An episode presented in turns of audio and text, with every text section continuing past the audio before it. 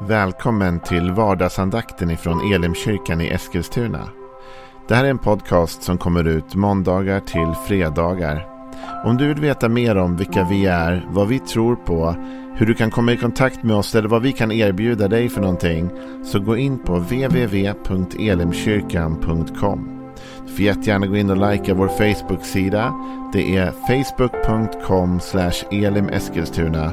Eller så söker du upp oss på YouTube och då söker du på Elimkyrkan Eskilstuna.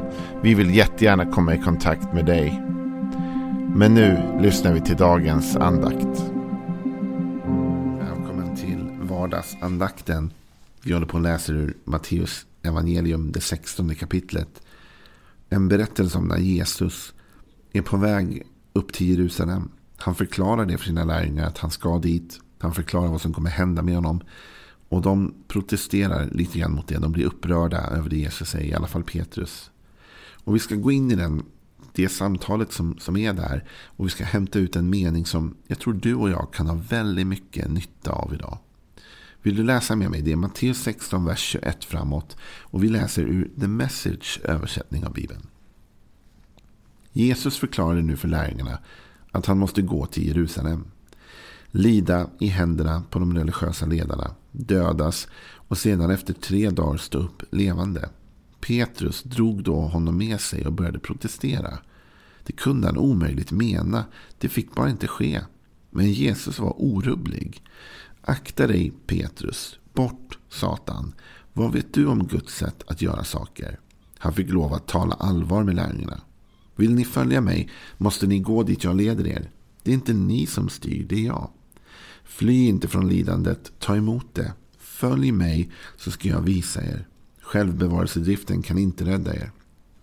Offra er själva på vägen, på min väg, så ska ni finna er själva, det ni egentligen är. Vad är det för vits med att få allt man vill ha om man går miste om sig själv? Och vad skulle du byta bort din själ mot? Satsa inte för mycket på er själva. Innan ni vet ordet av kommer Människosonen tillbaka i sin fars glans med en hel armé av änglar. Ni ska få allt ni ska ha som en personlig gåva. Jag talar inte bara om livet efter detta. Några av er här ska med egna ögon få se det. Få se Människosonen i hans rikes glans. Petrus har svårt att acceptera att Jesus skulle behöva gå igenom det lidande han talar om. Att han skulle dö, det finns bara inte på kartan. Och fastän Jesus har talat med dem om att han kommer att stå upp från de döda igen så har de svårt att ta till sig detta. De ser bara lidandet, döden. Det kan omöjligt vara meningen att det ska bli på det sättet. Och så kommer vi ner till en vers där Jesus säger då, i alla fall den här översättningen, the message översättning, så säger han, satsa inte för mycket på er själva. Satsa inte för mycket på er själva. Vilken stark mening. Innan ni vet ordet av det kommer Människosonen tillbaka i sin fars glans med en hel armé av änglar. Jesus hade gjort ett val här. Valet var att gå upp och lida och dö för oss. Han valde bort sig själv. Han offrade sig själv för att rädda en mänsklighet. Och när Petrus protesterar mot det, då säger Jesus till Petrus, Petrus, Lev inte. Ja, alltså, ta inte dig själv på för stort allvar Petrus. Lev inte bara för dig själv. Och Jesus hade haft många vägval där han kunde valt ett annat, en annan väg. Ett vägval var när Jesus blir frestad av djävulen. Och det står att djävulen säger, visar honom alla riken på jorden och säger till honom all den här makten och den här härligheten är given till mig. Och om du bara tillber mig så kan du få allt det här, säger djävulen till Jesus. Ja, och då säger Jesus, nej tack, det behöver jag inte. Men där fanns ett erbjudande för Jesus att satsa på sig själv. Det finns ett annat tillfälle då folket blir så imponerade av Jesus och han drar ju så mycket uppmärksamhet till sig. Och att de vill ta med sig honom och göra honom till kung. De vill starta ett uppror mot den här romerska ockupationen. De vill att Jesus ska vara ledaren för detta. De kan ställa upp med säkert både pengar, resurser och folk. Alltså det fanns en möjlighet för Jesus att satsa på en sorts politisk karriär. Men Jesus valde bort det alternativet. Han valde att inte satsa på sig själv eller ta sig själv på för stort allvar. Utan han valde att istället tjäna mänskligheten. Att ge sitt liv för att rädda dig och mig. Han gick till Jerusalem. Han gick in i lidandet. Trots att hans lärjungar försökte avråda honom så gick han dit ändå. Och han offrade sig själv. Och här finns det någonting för dig och mig att lära av. Att inte ta oss själva på för stort allvar. Och vad jag menar med det är att inte göra oss själva till världens centrum och mittpunkt. Att inte i detta individualistiska samhälle som vi lever i. Att vi ska vara centrum av allting. Nej, utan att vi vågar låta Jesus vara i centrum. Att vi lever för något större. Jesus säger, ta inte er själva på för stort allvar. Och sen börjar han tala om att en dag kommer, ganska snart, Jesus komma tillbaka. Med Guds änglar och härlighet. Vad Jesus gör där tror jag är att peka på att det vi nu ser är så, det är så litet i förhållande till det stora, det härliga som kommer. Det finns något större att leva för. Ja, det finns eh, flera bibelord som pekar oss i den här riktningen. Och jag tänkte vi skulle läsa några av dem tillsammans. Men innan det kan vi säga att det här att inte ta sig själv på för stort allvar. Det handlar inte om att ignorera sig själv. Eller att vi ska vara martyriska. Utan Jesus säger i bergspredikan till exempel. Att om vi sätter Guds rike först. Om vi först söker hans rike. Så ska vi också få allt det andra vi behöver. Gud tar hand om oss när vi sätter honom högre än oss själva. Och jag hörde Peter Halldorf vid något tillfälle säga så här. Att det är min uppgift att tänka på Gud. Men det är Guds uppgift att tänka på mig. Och det är ungefär det vi talar om här. Inte martyrskap i meningen jag är inte värd någonting. Jag ska inte ha någonting. Jag ska bara vara liksom i utkanten. Nej, nej. Men vad är centrum av ditt liv? Vad lever du för? Och vad, vad är störst? Men om du har Gud störst och först och inte tar dig själv på det största allvaret så kommer Gud förse dig med allt du behöver och jag törs nog säga mer än du behöver. David sa Herren är min herde, mig ska inget fattas och hans bägare flödade över, sa David. Jag tror att Gud kan ge dig mer än du behöver och mer än du drömmer om. Men vad är ditt fokus? Sätt Gud först. I andra Korinthierbrevets femte kapitel och den fjortonde versen så säger Paulus här. Kristi kärlek driver oss. För vi är övertygade om att har en dött för alla och därför har alla dött. Och han dog för alla för att de som lever inte längre ska leva för sig själva utan för honom som har dött och uppstått för dem. Det är en fantastisk text tycker jag. Vi drivs av Kristi kärlek. Vi är övertygade om att, att, att han har dött för alla. Och därför lever vi inte längre för oss själva. Utan nu lever vi för honom som dog för oss. Han som valde bort sitt eget bästa för vår skull. Nu väljer vi bort vårt bästa för hans skull. Och vi möts i detta uppoffrande. Och vi, vi förenas i det. Kristus offrade sig för oss. Han dog för oss. Han valde bort politisk karriär. Han valde bort upphöjelse. Han valde döden för att du och jag skulle kunna leva. Och nu är det sant att han har uppstått. Och nu är det sant att Gud har upphöjt honom. När han inte tog sig själv på större allvar än att han var beredd att offra sig själv för dig och mig. Så kunde Gud sen upphöja honom. Och det är det som händer. När du och jag är beredda att ödmjuka oss själva inför Gud. Då ger vi Gud möjligheten att upphöja oss. Det står faktiskt så i Bibeln. Att vi ska ödmjuka er under Guds starka hand. Så att han kan upphöja er när tiden är inne. När du och jag ödmjukar oss, då plockar vi bort oss själva från centrum av vårt liv. Och låter Jesus vara centrum.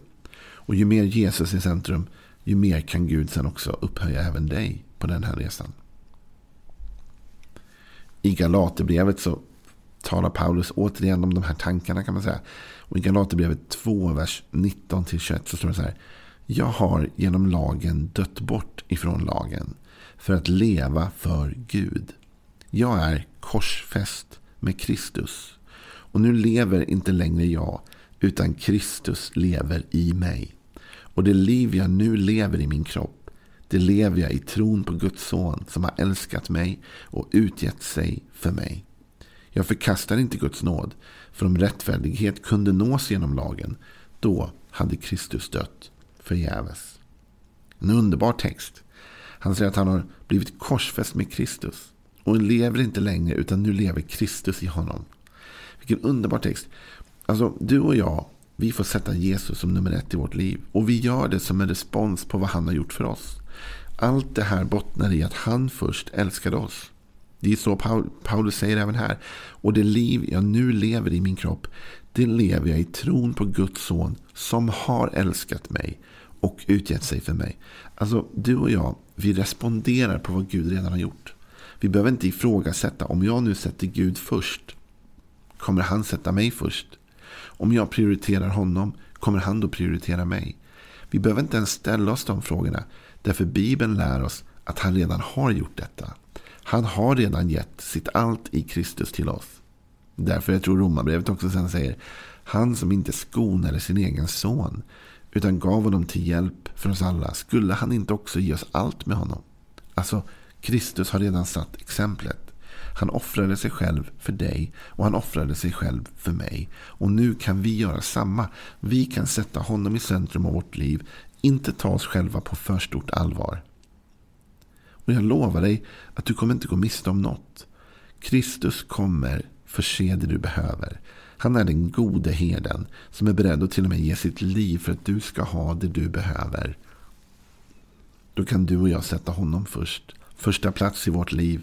Och du kommer se att ditt liv förvandlas till det bättre. Som avslutning på det skulle jag vilja läsa lite grann från Romarbrevet 14.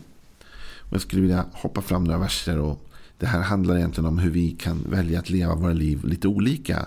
Men det viktigaste är vårt fokus. Vi behöver inte göra lika du och jag i alla lägen. Men att vi har ett rätt fokus. Och då står det så här i Romarbrevet 14, vers 5. Den ene sätter en dag högre än en annan. Och den andra håller alla dagar lika högt. Var och en ska vara fullt övertygad i sitt sinne. Den som firar en viss dag gör det för Herren. Och den som äter gör det för Herren. Han tackar ju Gud. Och den som låter bli att äta gör det för Herren. Och även han tackar Gud. Ingen av oss lever för sig själv. Och ingen dör för sig själv. Lever vi så lever vi för Herren. Och dör vi så dör vi för Herren. Vare sig vi lever eller dör så tillhör vi alltså Herren. Kristus har dött och fått liv igen för att vara Herre över både levande och döda. Det talas om att du och jag, det viktigaste är inte alltid att vi gör si eller vi gör så i alla lägen. Det viktigaste är att det vi gör, det gör vi för Gud. När vi lever vårt liv så lever vi det för Gud. Och om vi dör till och med, säger Paulus, så dör vi för Gud. Alltså, Gud är centrum av både liv och död. Han är herre över både liv och död. Och vi tillhör honom. Vi har satt honom som centrum av vårt liv.